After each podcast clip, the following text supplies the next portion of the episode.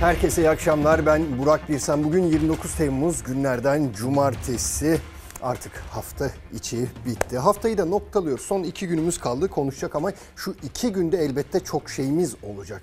Bugün de konuşacak çok fazla şeyimiz var. Biriken çok fazla gündem maddemiz var. Bugünün tabelası göz göre göre. Göz göre göre dedik çünkü bazı şeyler gözümüzün içine bakarak yapılıyor. Gözümüzün içine bakarak bazı şeyler gerçeğin dışına aktarılıyor. Gerçekten saptırılıyor ve dün söylenen şeyler bugün gözümüzün içine baka baka hatalı olduğu biline biline yapılabiliyor. Mesela dar gelirlinin kazancı, dar gelirlinin vergileri veya nasıl zengine aktarılıyor? Gözümüzün içine baka baka bunu nasıl yapıyorlar? Veya işte bültenimizde göreceksiniz gelir adaletsizliği o eşit olma durumu tamamen ortadan kalkmış durumda vaziyette. Gelir adaletsizliği ülkemizde göz göre göre nasıl büyüyor? Büyümesine neden dur denilemiyor? Ona da bir bakacağız elbette. İşte yeşilimizden, mavimizden bahsedeceğim. Kravatım bugün biraz yeşil, biraz mavi oldu. Tam da uydu gibi tabii ki yeşil ve maviyi, doğayı nasıl katlettiğimize bakacağız. Göz göre göre buna nasıl göz yumduğumuza bakacağız ama öncelikle şu manşetimizi atalım. Manşetimiz de göz göre göre gelen zamlar ya da göz göre göre yapılacak olan hali hazırda yolda gelmekte olan üzerimize üzerimize gelmekte olan zamlar efendim. Cumhurbaşkanı yardımcısı Cevdet Yılmaz konuştu ama bir garip konuştu. Artık Açıkçası yani alışmak da istemiyor insan bu tarz söylemlere, bu tarz açıklamalara da gülmemiz de gerekmiyor. Şaka mı yaptı bilmiyoruz da şöyle bir cümle kurdu. Artık zamlardan, vergi artışlarından sıtkı sıyrılan vatandaşlar karşısında onu izliyorlar. Onun açıklamalarını dört gözle kulaklarını açarak izliyorlar ama o şu cümleyi kurabiliyor. Vergiler meğer kendiliğinden güncellenecekmiş bundan sonra. Vergilerde bu dengeyi kurmak için öngördüğümüz değişiklikleri esas itibariyle yapmış durumdayız. Kendiliğinden güncellenecek vergiler olabilir elbette. Ama ek bir vergi, ilave bir vergi yıl sonuna kadar şu an için gündemimizde böyle bir tartışma yok. Nefes alma vergisi bir vergi koymayacağız diyor. Ama mevcut vergilerinizi güncelleyeceğiz yani artıracağız demek istiyoruz. Bunu bir müjde gibi açıklıyor ama e, bakın bundan daha 15 gün önce KDV'lerde e, ikişer puan artış yapıldı. Ek MTV %100 arttırıldı. Akaryakıtın ÖTV'sine beşer daha artış oldu. Sayın Cumhurbaşkanı'nın bir imzasıyla bu ülkede birçok vergi ve harç bir dakika içerisinde artabilir. İşte bir yurt dışı çıkış harcı 150 liradan 300 liraya çıkabilir. Cumhurbaşkanı Yardımcısı Cevdet Yılmaz her ne kadar yılbaşına kadar vergi artışı yok dese de kendiliğinden güncellenecek vergiler dışında cümlesi dikkat çekti. Vergi uzmanı Ozan Bingöl, Cumhurbaşkanı'nın yetkisini hatırlattı. Her bir ürün için verilecek verginin tırmanan enflasyon oranında artarak ödeneceğinin de itirafı dedi. O 1 liralık artışın 1 liralık zammın 80-85 kuruşu vergi olarak hazinenin kasasına girmekte. O zaman biz bunu bir vergi artışı olarak değerlendirmeyecek miyiz? Çalışanın, emeklinin, Türkiye'de yaşayan herkesin tek gündemi ek vergiler, enflasyon ve KDV ve ÖTV artışı. Bir gecede resmi gazetede yayınlanan kararla KDV %18'den %20'ye, %8 olan ürünlerde %10'a yükseltilmişti.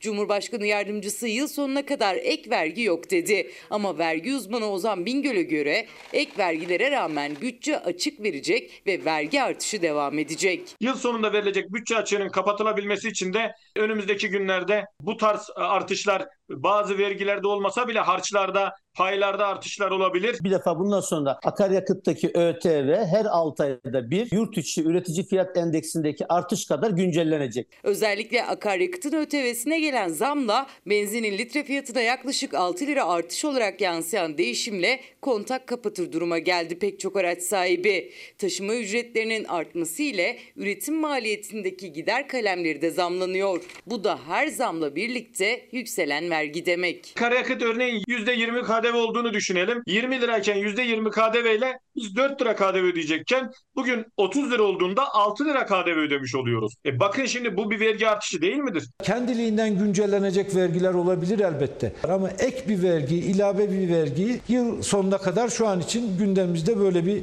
tartışma yok. 37 lira mazotla git bakalım bahçeye. Mazot arttığı andan itibaren ne olur biliyor musunuz? Her şeye zam gelir. İlaca zam gelir. Gübreye zam gelir. işçiye zam gelir. Yiyeceğe zam gelir. Kiraya zam gelir. Muhalefet zamlarla alım gücü her geçen gün düşüyor, vergi artışları da geri çekilmeli derken Cumhurbaşkanı yardımcısının kendiliğinden güncellenecek vergiler dışında artış yok açıklaması tartışılıyor. Evet Cihan Bey yazmış şöyle demiş göz göre göre akbelen gidiyor demiş. O konuya birazdan geleceğiz Cihan Bey. Göz göre göre de zamlar geliyor diye eklemiş. Evet göz göre göre zamlar geliyor ama sayın hükümet yetkilileri iktidar mensupları ona işte zam demiyorlar. Son birkaç yıldır zam demiyorlar. Zamma güncelleme diyorlar kim bulduysa bu zekice fikri gerçekten algı yaratmaya çalışılıyor. Yani zam kötü bir şey biliyorsunuz ama güncelleme deyince biraz daha insanın kulağına hoş geliyor değil mi?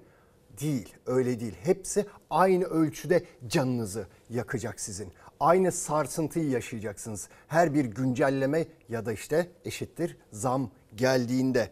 Ama maalesef kendileri buna güncelleme dediler ve bakın yeni şeyler güncellenecek gibi görünüyor. İşte Cumhurbaşkanı Erdoğan, Sayın Erdoğan geçen hafta ne demişti? Boş ev sahiplerinden daha fazla vergi alabiliriz demişti. İşte boş ev vergisine de bir güncelleme yani bir zam gelecek. Artık güncelleme deyince onu siz zamla yerini değiştireceksiniz duyar duymaz. Mesela özel iletişim vergisi, konaklama vergilerine zam geleceği yani güncelleme geleceği söyleniyor. Bir başkası elektrik fiyatlarına da zam geleceği söyleniyor. Öyle bir söylenti de var uzmanların açıklamaları o yönde ve bir başka açıklama uzmanların açıklaması önümüzdeki hafta yine akaryakıta bir güncelleme daha geleceği söyleniyor. Yani akaryakıta da zam kapıda görünüyor. Aa, şunu soracak olursanız bunlar en fazla kimi etkiliyor? Elbette nüfusun %98'ine dar gelirleri etkiliyor. Açlık ve yoksulluk sınırında yaşayan nüfusumuzun %98'ini etkiliyor. Çünkü en çok onlar ödüyor bu vergileri. Mesela hiç gördünüz mü siz pırlantadan vergi alındığını? Pırlantayı acaba 11 bin lira asgari ücret alan biri alabiliyor mu? Hayır almıyor. Milyonlar kazananlar pırlanta alıyorlar eşine dostuna hediye olarak ama onlardan bakın lüks tüketimden vergi almıyor. Zengini seviyor bu iktidarımız ve maalesef göz göre göre yapılıyor. Mesela ne vardı? Kur korumalı mevduat hesabı. Bundan bir süre önce çıkarılmıştı. Yükünü herkes biliyor. Vatandaşa yükünün herkes farkında ama iktidarımız ondan da vazgeçmiyor. Kur korumalı mevzuatın amacı kur istikrarını sağlamak. Rezervlerimiz arttıkça, kendimizi daha emin hale taşıdıkça bu konuya tekrar bakmak gerekir. Ama bugün geldiğimiz noktada vazgeçilecek bir mekanizma değil kesinlikle. Emin olun IMF olsa böyle bir acımasız program uygulatmazdı Türkiye. Ben bunu anlayamıyorum, bunu kabul edemiyorum. Yani millete bu kadar çok vergi altında inim inim iletirken kurumlara bu kadar büyük avantajlar sağlamaya devam etmenin vicdanla da akılla da bağdaşır bir yanı yok. Yıl sonuna kadar kur korumalı mevduatla ilgili vergisel teşvikler devam ettirildi. Hayat pahalılığının çok artacağı, insanların bugünleri de arar hale geleceği artık giderek ortaya çıkmaya başlamıştır. Muhalefet iktidarı rezervleri ekside güven yok cümleleriyle eleştirirken KKM'nin maliyeti vatandaşın üzerinde derken Cumhurbaşkanı Yardımcısı Cevdet Yılmaz kur korumalı mevduat sisteminin devam etmesinin gerekçesini rezervler artmalı, güven oluşturulmalı, kur oynaklığı durmalı diyerek açıkladı. Hiçbir mantıklı bir iktisatçı böyle bir savunma yapmaz. Kur korumalı mevduatta şu ana kadar maliyet kabaca 550 milyar TL civarında olduğu tahmin ediliyor. Daha bunda vergi avantajlarının ne kadar olduğunu hiç bilmiyoruz. Mehmet Şimşek'in ilk göreve geldiğinde şeffaflık, öngörülebilirlik sözlerinin hiçbiri şu ana kadar Merkez Bankası tarafından hayata geçirilmemiş vaziyette. Tahminimiz Merkez Bankası'nın sadece seçim sonrası dönemde KKM sahiplerine ödeyeceği tutarın 300 milyar lirayı aşacağı yönünde. Kur korumalı mevduatın belli bir belirsizlik içerdiğini biliyoruz hepimiz. Bu belirsizlikleri en aza indirmenin faydalı olacağını düşünüyoruz. Ya kardeşim kur korumalı mevduata bu ülkeyi hangi politika mahkum etti? Doları 8 liradan 18 liraya fırlattınız. Ondan sonra doları tutmak için milletin üzerine böyle büyük bir yük bindirdiniz. Merkez Bankası tarafında KKM'nin yönetilmesi bütünsellik açısından daha uygundur. Cumhurbaşkanı yardımcısı belirsizliği kabul etti. Merkez Bankası Başkanı Hafize Gaye Erkan da kur korumalı mevduata yönelik hazine desteğinin Merkez Bankası'na devreni savunmuştu. Ama o da maliyet sorusuna yanıt vermemişti. İnsanımızın tasarruf alışkanlığında döviz ve altın ağırlıklı yer tutuyor. Önemli bir kısmı da yastık altında duran bu varlıkların istihdama ve üretime katkısı olmuyor. Gelin tasarruf ekonomisinden yana olalım. Herkesten tasarruf yapmasını istiyorsunuz. Kamu olarak tasarruf yapmadığınız gibi kur korumalı mevduat sahiplerine bu kadar çok kıyak yapılması asla kabul edilemez. Doların fırlaması zaten iç borçlarımız, dış borçlarımız, faiz ödemenin üzerinden ciddi bir yük getiriyor. E, vatandaşın üzerine ciddi bir enflasyon getiriyor. Herhalde bu 6 aylık dönem, Temmuz-Aralık dönemi ücretlilerin enflasyon karşısında tamamen ezildiği bir dönem olarak tarihe geçecek diye düşünüyorum. Kur korumalı mevduat sisteminde ısrar edilmesine de maliyetin Merkez Bankası'na devredilmesine de tepkili muhalefet. Böyle bir ülke olamaz. Kur korumalı mevduatın bu ekonomiye maliyeti ne kadar bilen yok. Hazine kısmını bir kısmen biliyorduk. Hazine de şimdi Merkez Bankası'na devredildi. Artık hazine tarafından gelecek yükü de bilmeyeceğiz. Evet artık şeffaflık da ortadan kalktı. Hani maliyetini de bilmiyoruz bizlere. Maliyetini de bilmiyoruz bunun. Çünkü hani kur korumalı mevduatı parasını kim yatırıyor şu anda? Parası olanlar yani zenginler. %98 demin söyledim memleketin %98'i nüfusumuzun 83 milyon 750 bin kişi açlık ve yoksulluk sınırının altında yaşıyor. Onlar sizce kur korumalı mevduata para yatırabilirler mi? Hayır yatıramazlar. Oraya daha zengin olan %2'lik nüfusun %2'lik bir kesimi parasını yatırıyor ve onlar para kazanıyorlar. Kimin? Sizin benim ödediğimiz vergilerle onlara dolar farkı, kur farkı ödüyor hükümet, iktidarımız. Ama bu sistem bu şekilde dizayn edilmişti. Hatırlayın eski Maliye Bakanı Nurettin Nebati bu sistemi açıklarken şu cümleyi kurmuştu. Bu sistemden dar gelirler hariç üretici firmalar, ihracatçılar kar ediyorlar demişti ve gerçekten de bunu başardılar. Dar gelirler hariç %98'lik kesim hariç %2'lik kesme hitap ediyor şu anki sistem ve maalesef görüyoruz ki zihniyet henüz değişmemiş ve bu zihniyet değişmediği takdirde de ülkenin refaha adaletli bir gelir dağılımına ulaşması mümkün değil.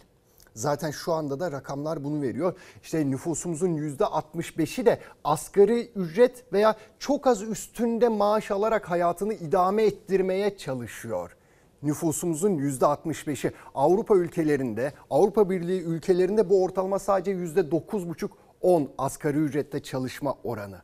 Bizde 65'e yaklaşıyor ve tablo şöyle oluşuyor. Asgari ücrette çalışan bir toplum oluverdik sayelerinde. Ve nerelerde %65 diyorum ben de o ortalaması artıyor. Belli sektörlerde asgari ücrette çalışan çok daha fazla. Mesela turizm sektörünün %73'ü asgari ücretle çalıştırılıyor. İnşaat sektörünün sektöründe %71'lik bir kesim asgari ücret alıyor. Sadece %30'luk bir kesim bir tık fazlasını alıyor. Giyim sektöründe bu oran %70, gıdada %67, sanayide ise %50. birçok sektörde asgari ücrette çalışanların oranının %70'lere kadar arttığı görülüyor. Herkesi e, yoksullukta eşitleyen, açlık sınırının altında çok hızla gerileyen asgari ücreti bir ortalama ücret haline getiren bir politika izlendi. Merkez Bankası rakamları da verileri de bunu doğruluyor. Merkez Bankası açıkladığı raporla Türkiye'de çalışanların büyük bölümünün asgari ücrete mahkum olduğunu yani neredeyse açlık sınırında yaşadığını resmen ortaya koydu. Avrupa İstatistik Ofisi verilerine göre de Türkiye'de asgari ücret Avrupa ülkelerinin çok gerisinde. OECD ise düşük ücrete rağmen çalışma saatlerinin rekor kırdığını gösteriyor. Yani Türkiye'de çalışanlar çok çalışıyor, az kazanıyor, açlık sınırında yaşam mücadelesi veriyor. OECD verilerine göre ana işinde 60 saatten fazla çalışan en çok çalışan bizde.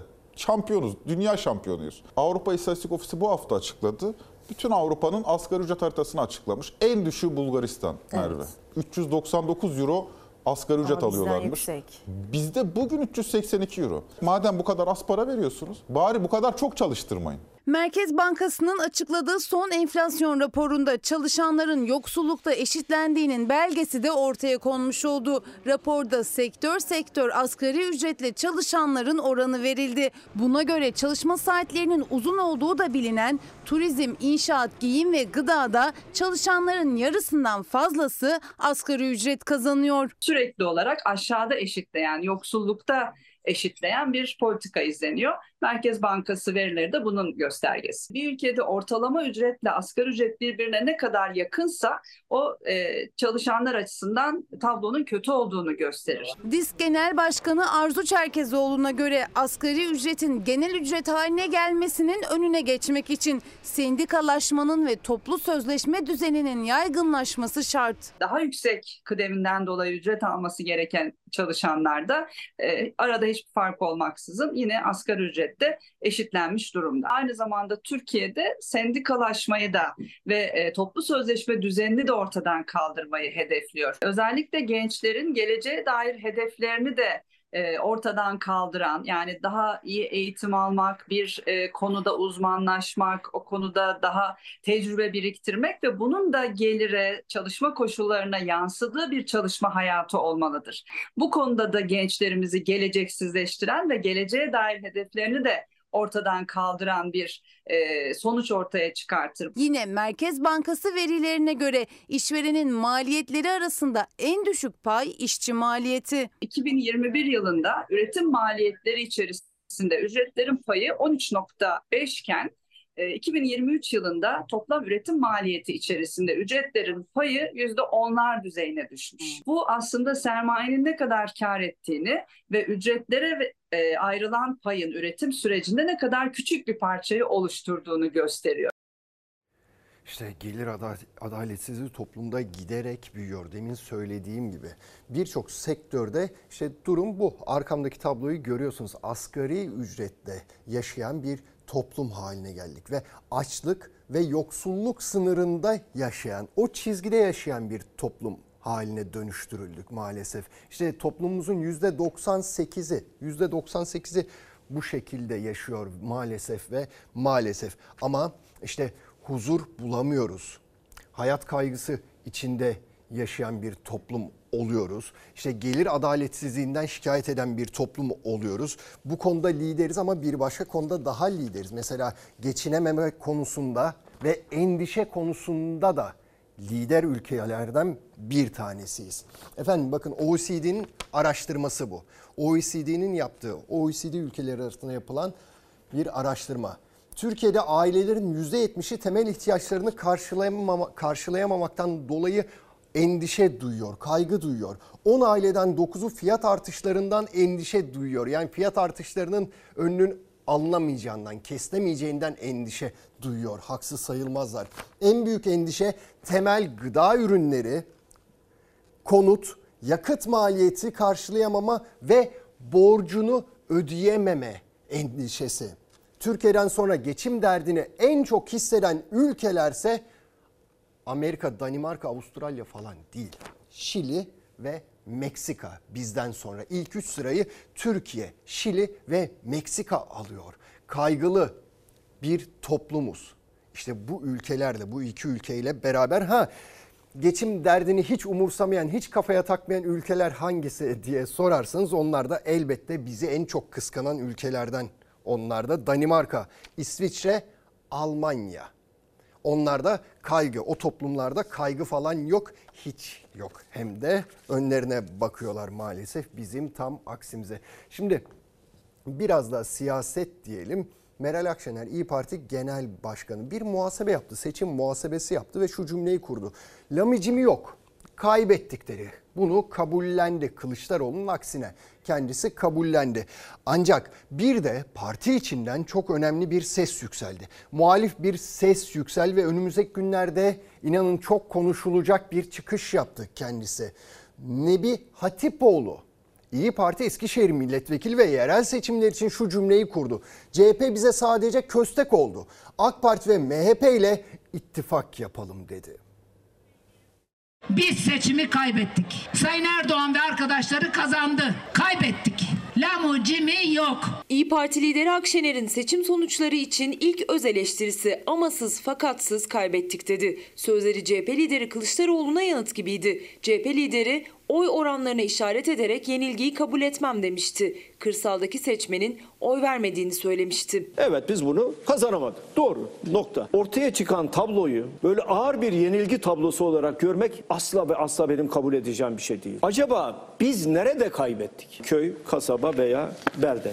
Biz şunu da araştırdık. Acaba kırsaldaki insan neden bu ekonomi yıkımdan etkilenmedi diye. Bu kaybetmeyi vay efendim seçmen niye bize oy vermedi diyerek böyle bir saygısız dille seçmeni aziz milletimi sorgulayarak sonuç alamayız. Eğer milletin tercihinden bir siyasetçi şikayet edip onu sorguluyorsa derhal emekli olup evine gitmelidir. Akşener iktidarın seçim propagandası yaparken Millet İttifakı'nı terörle suçlaması ve montaj videoları içinde demek ki seçmene kendimizi iyi anlatamadık dedi. Biz bu propaganda yapılırken o kardeşlerimize bu yalanlara inanmasını engelleyecek gereken çalışmayı yapmamış ve bu süreci doğru yönetememişiz demektir. Ben diyorum ki CHP ile işbirliği tartışmaya açılabilir ve sağ partilerin oluşturduğu blok desteklenebilir. Bence Eskişehir'de mesela AKP, MHP desteklenebilir. Önce belediyeleri alacağız.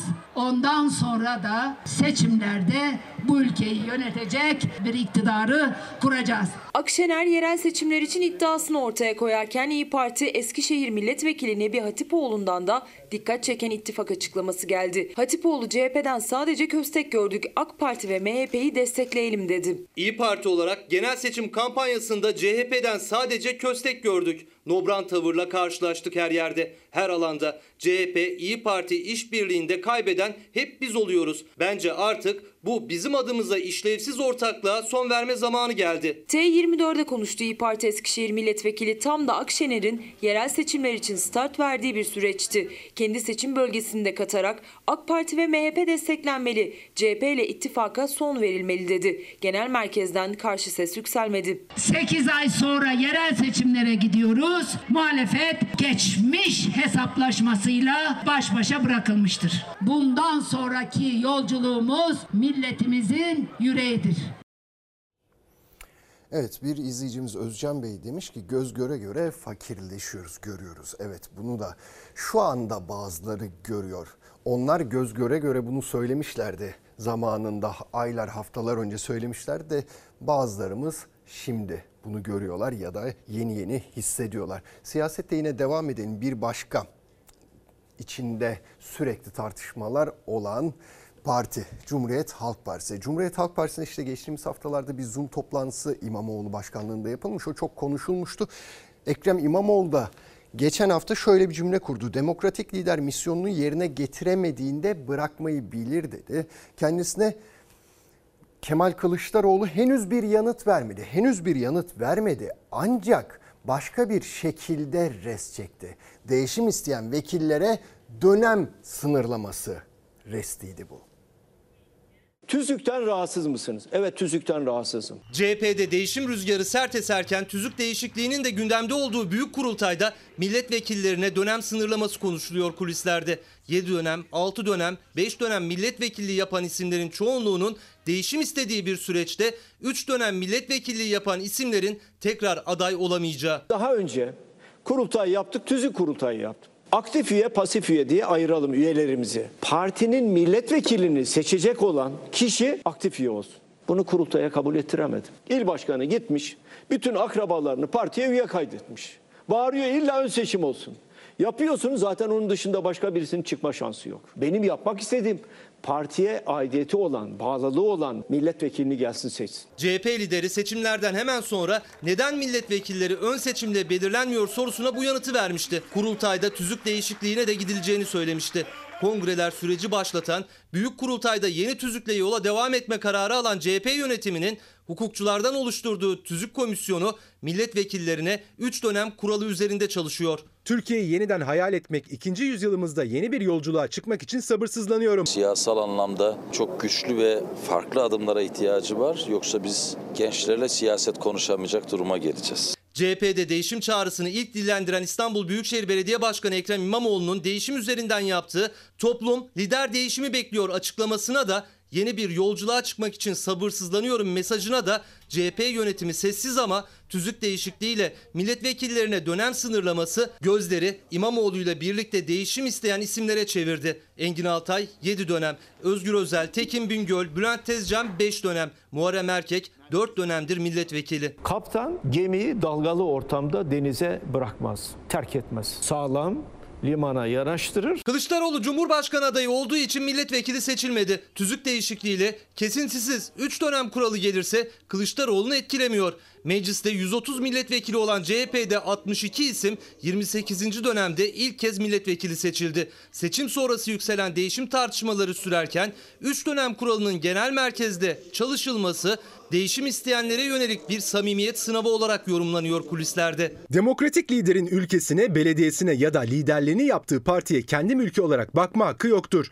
Demokratik lider ona verilen misyonu yerine getiremediğinde ve toplumsal beklentilerin gerisinde kaldığında görevi bırakmayı bilir. İstanbul Büyükşehir Belediye Başkan adaylığı için yapılacak olan bir ön seçimde aday olmak istediğimi ifade ettim. Bakırköy Belediye Başkanı Bülent Kerimoğlu da değişim isteyen İmamoğlu'yla karşı karşıya gelirken Büyükşehir için adaylık mesajı vermişti. Yeni günde genel merkezde Kılıçdaroğlu'yla bir araya geldi. Kerimoğlu'nu CHP lideri davet etti. Evet Ekrem İmamoğlu bırakmalı dedi ve Kemal Kılıçdaroğlu'ndan da dönem resti, dönem sınırlaması resti geldi. Önümüzdeki günlerde bakalım ne olacaklar. İşte o Zoom toplantısında biliyorsunuz Ekrem İmamoğlu'yla o toplantıya katılan CHP'nin şu anki yöneticileri var. Kritik isimler var. Şu an kritik görevlerde bulunan CHP'li yönetici CHP'liler var.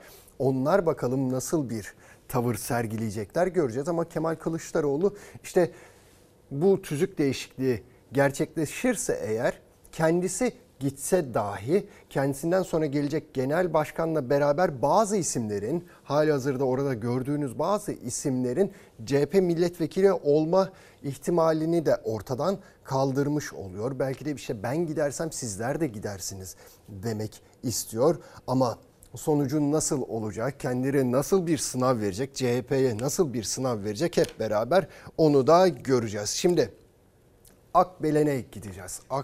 Akbelen'de bir doğa katliamı yapılıyor.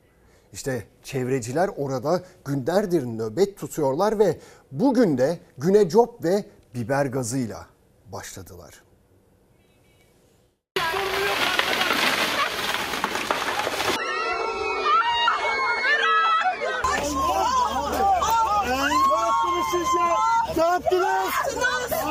Daha gün doğmadan testere sesleri yankılandı ormanda. Jandarma nöbet tutan eylemcilerin çevresini sardı. Ağaç kesim işleminin devam etmesini sağlamak için etten duvar ördü. Çevreciler ve köylülerse maden şirketine ait araçların yolunu kesti.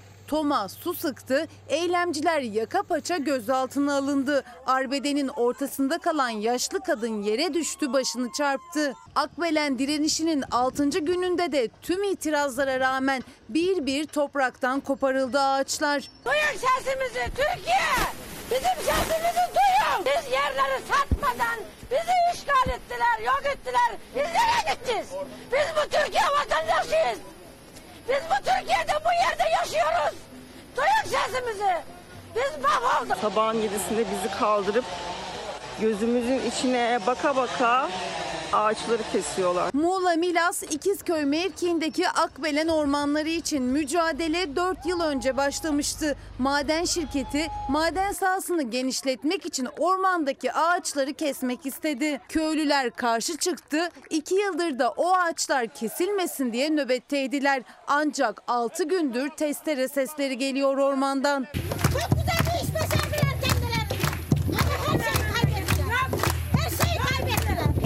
ama olursunuz kurbanınız olayım. Bu ettiğiniz var ya dersiniz ki keşke olmasaydım ya. Bir arkaya dönün bakalım. Kimin için bak kurbanınız olayım. 6. günün sabahında jandarma bölgeye giriş çıkışları kapattı. Destek için yola çıkanların bölgeye ulaşması engellendi. Trafik kazası olduğundan dolayı geçiremiyoruz demişler. Yalan. Burada Akbelen Ormanı'nı yok ediyorlar. Burada hiç kaza maza yok. Burada cenaze var zaten. Burada büyük bir cenaze var. Burada Çamların cenazesi var.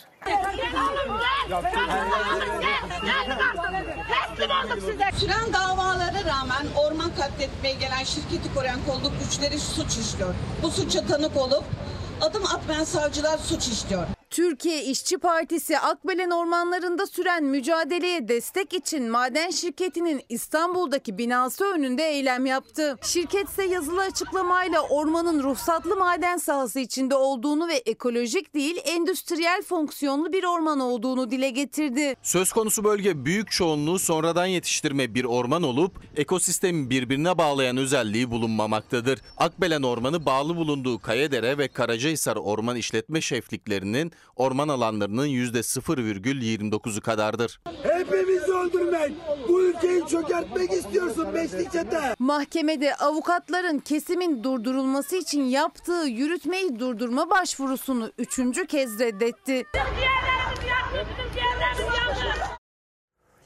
Seçime kadar sular durulmuştu. Ses çıkmıyordu o bölgeden ama seçim bitti. Ortaklıkta bozulmuş gibi görünüyor. İşte seçimden sonra hemen kesim başladı. Çevrecilere müdahaleler başladı ve dahası da gelecek gibi görünüyor. Durdurak bilecek gibi görünmüyorlar ve bunu göz göre göre yapıyorlar. Sadece biraz mola vermişlerdi.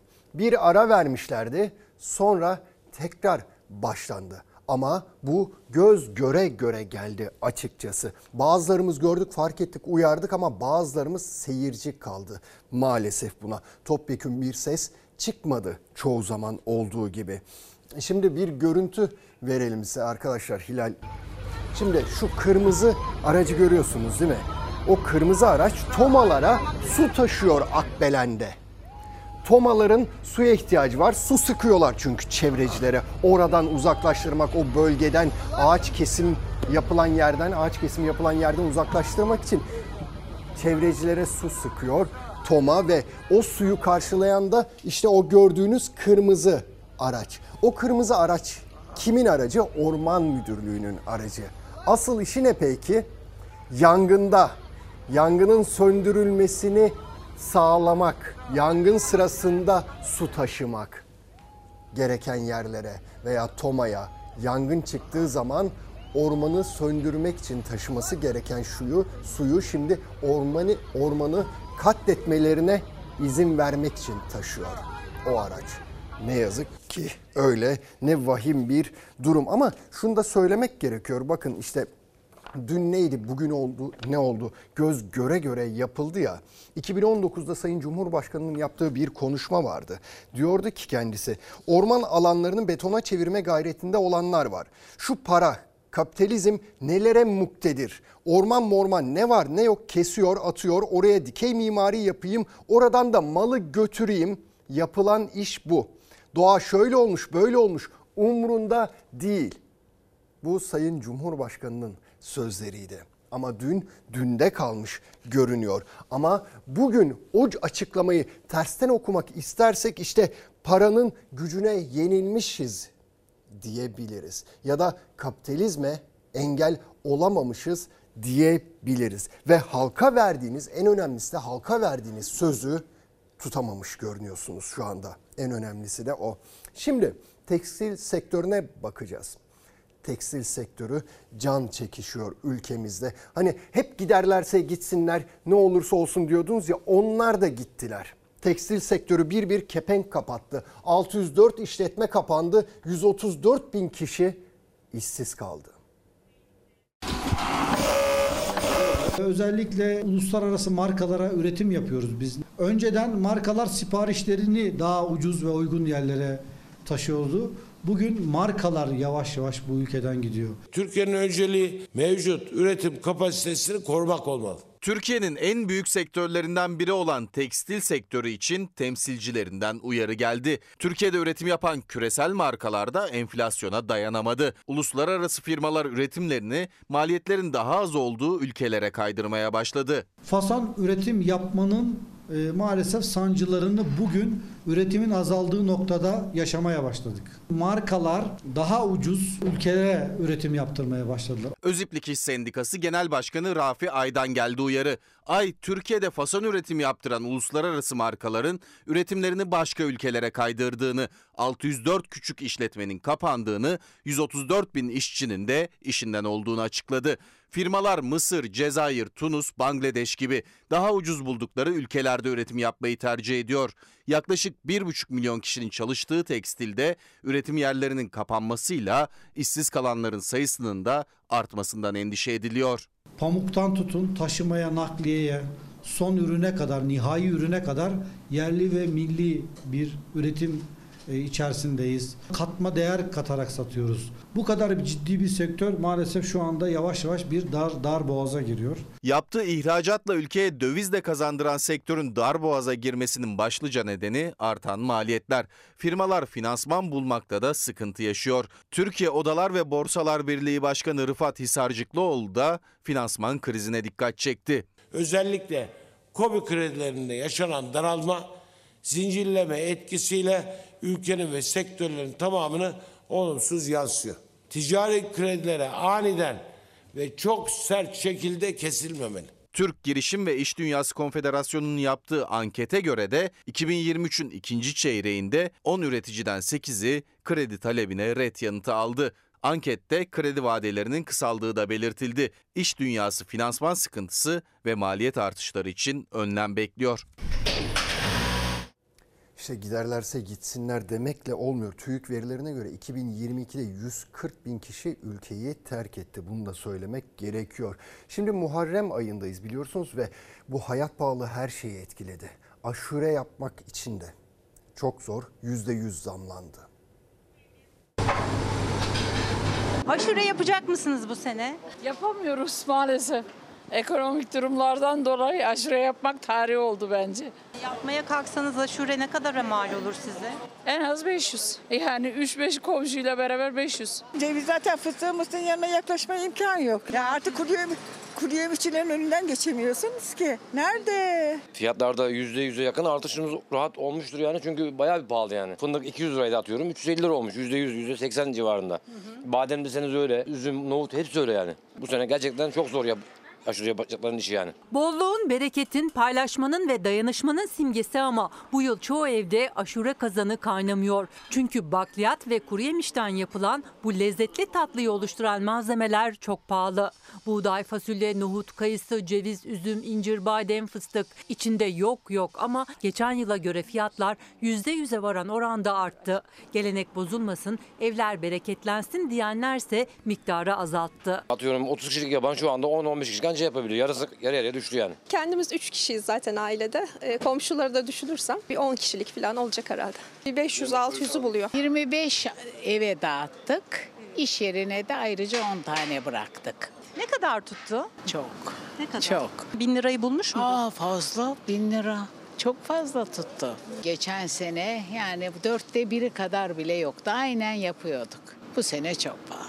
Fiyatlar yüksek olunca yapılacak aşurenin miktarı da ister istemez azalıyor. Bütün bu malzemelerden azar azar konulup üzerine bir de şeker eklendiğinde 20 kişilik bir aşurenin maliyeti 550 lirayı buluyor. İyi bir e, aşure malzemesi şu anda herkes yapamaz. Çok zor. En kötü 1000 lira civarında falan tutuyor. Çok kişi kısıtlıyor. Yapanlar zorla yapıyor. Yüksek fiyatlar satışları düşürdü. Esnaf bozulmasın diye aşurelik malzemeleri paketlere dönüştürdü. Geçen yıla göre iki kat zamlanan fındık, ceviz ve bademin kilosu bu yıl 350, buğday 35, incir 300, fasulye nohut 90, üzüm 80, kuş üzümü 150, kayısı 400 ve şeker 35 lira. Senede bir kere olan bir şey ve bu bizim görevimiz. Yapacağım bir şekilde. Zorlayacak mı bütçeyi? Tabii ki. Tabii ki zorlayacak. Aşureye en çok yakışan malzemelerden biri de dolmalık fıstık. Ancak bu yıl herkesin gücü dolmalık fıstık almaya yetmeyecek. Çünkü fiyatı altınla yarışıyor. Kilosu 1600 lira. Fıstıktan ne kadar koyulur? En fazla 50 gram konur. Çünkü çok pahalı. Her baba yiğidin alacağı bir şey değil bu. Miligramı ne kadar yapıyor? 80 lira. Geçen seneye göre miktar azalacak mı bu sene? Miktar her geçen yıl düşmektedir. Aşırı bolluk bereketliktir. Bereketli bir yıl geçer inşallah. Üretici fındık fiyatı en az 100 lira olsun istiyor. İnşallah e, iyi bir fiyat olur. Taban fiyat 100 lira olmasını temenni ediyoruz yani. Daha önceki senelerde açıklanan taban fiyatları da dikkate alarak onların dolar karşılığını dikkate alarak çünkü bizim ürünümüz dolarla ihraç edilen bir üründür. Yani bizim en az beklentimiz 3,5 dolar Üretici fındık taban fiyatının bu hafta açıklanmasını bekliyordu ama açıklanmadı. Bahçeye girip fındık hasadına başlamadan önce duymak istedikleri taban fiyat en az 100 lira. Ama dövizdeki yükseliş ve öngörülemeyen maliyet artışları nedeniyle rakamın dolara endekslenmesini talep ediyorlar. Önümüzü e, görmekle alakalı Türk lirası olarak değil e, dolar bazı karşılığı bir e, taban fiyat açıklanmasını talep ediyoruz zaten. 3,5 dolar karşılığı en az 100 TL fiyat isterken doların 30 lira 31 lira bandında olabileceğini tahmin ederek o verileri alarak böyle bir tahminde bulunmuştuk. Karadeniz'de fındık hasadı için gün saymaya başladı üretici. Ancak hala maliyetlerini ne kadar çıkarabilecekler belli değil. Bildikleri tek şey fındık üretimi ve hasadı için yapılan tüm harcamaların önceki yıla göre en az iki kat artmış olması. İşçilik toplama maliyeti çok yüksek bizde. %136 oranında bir artış var asgari ücrette. E, işçilik maliyetleri geçen seneye göre e, %100'ü geçen bir artış gösteriyor. 550-600 TL bandında yapılan bir e, yabancı ot temizleme işçiliği bugün bir 1500-2000 TL arasında gübre işte geçen seneye göre bu sene %100'ü aşkın bir e, fiyat artışı olmuş. Biz geçen seneki açıklanan 52 lira taban fiyatın %100 yukarısında bir e, artış e, beklediğimizi söylüyoruz zaten. Geçen yıl fındık taban fiyatı türüne göre 52-53 lira bandındaydı. Altınordu Ziraat Odası'na göre bu yıl sadece maliyet 82 lira 30 kuruş. Bu nedenle talep edilen taban fiyatta geçen yılın yaklaşık iki katı. Günün koşulları, enflasyonist ortam, motorun eve, benzine gelen zamlarla ki %25, %30'ları buldu son yapılan zamlarla. Dolayısıyla bizim e, tabii bu beklentimiz biraz daha yukarılara çıkıyor. Biz en az 100 lira fiyat beklentisini açıkladığımız zaman bir hafta önceydi. E, tabii e, burada revize edilebilir ama biz inşallah verilecek fiyatın e, üreticiyi güldürecek bir fiyat olmasını e, talep ediyoruz. Göz göre göre geliyor. Her an susuz kalabiliriz. 1 milyon 142 bin nüfusa su sağlayan bir idare olarak oldukça zorlanmaktayız. Ama gece saatlerinde ama işte mahalle bazlı olarak su kesimine gitmek zorunda kalabiliriz. Susuz günler kapıda belediyeler planlı su kesintisi formülünü düşünüyor. Çünkü barajlardaki su tükenmek üzere. Tekirdağ Belediyesi Su ve Kanalizasyon İdaresi'nden sadece zorunlu ihtiyaçlar için su kullanın çağrısı geldi. Üst kotlarda kalan e, kısımlarda da vatandaşlarımız susuzluk yaşamakta. Hayvanlarımız ve insanlarımız su bulamayacak duruma gelecektir. Bahçe sulaması ve araba yıkaması, alı yıkaması, yol serinletmesi vesaire gibi süreçlere son vermelerini ve sadece zorunlu ihtiyaçları için su kullanmalarını istiyoruz. Tekirdağ'daki kritik durum için çözüm aranırken İstanbul barajları da alarm veriyor. Barajlardaki toplam doluluk oranı %37,7. 10 barajdan 7'si ise kritik %30 seviyesinin altında. Pabuçdere Barajı'nda %4,9, Kazandere'de ise sadece %7,6 su kaldı. Büyükçekmece Barajı'nın %18,7'si, Ali Bey Barajı'nın ise %19,1'i dolu. Bu son 9 yılın en düşük su seviyesi. Edirne Keşan'da ise belediye telefonlara gönderdiği mesajla uyardı vatandaşları. Su kaynaklarımız hızla tükeniyor denilen mesajda tasarruf ve bilinçli tüketime dikkat çağrısı yapıldı. Mihrace'nin ailesi adalet arıyor.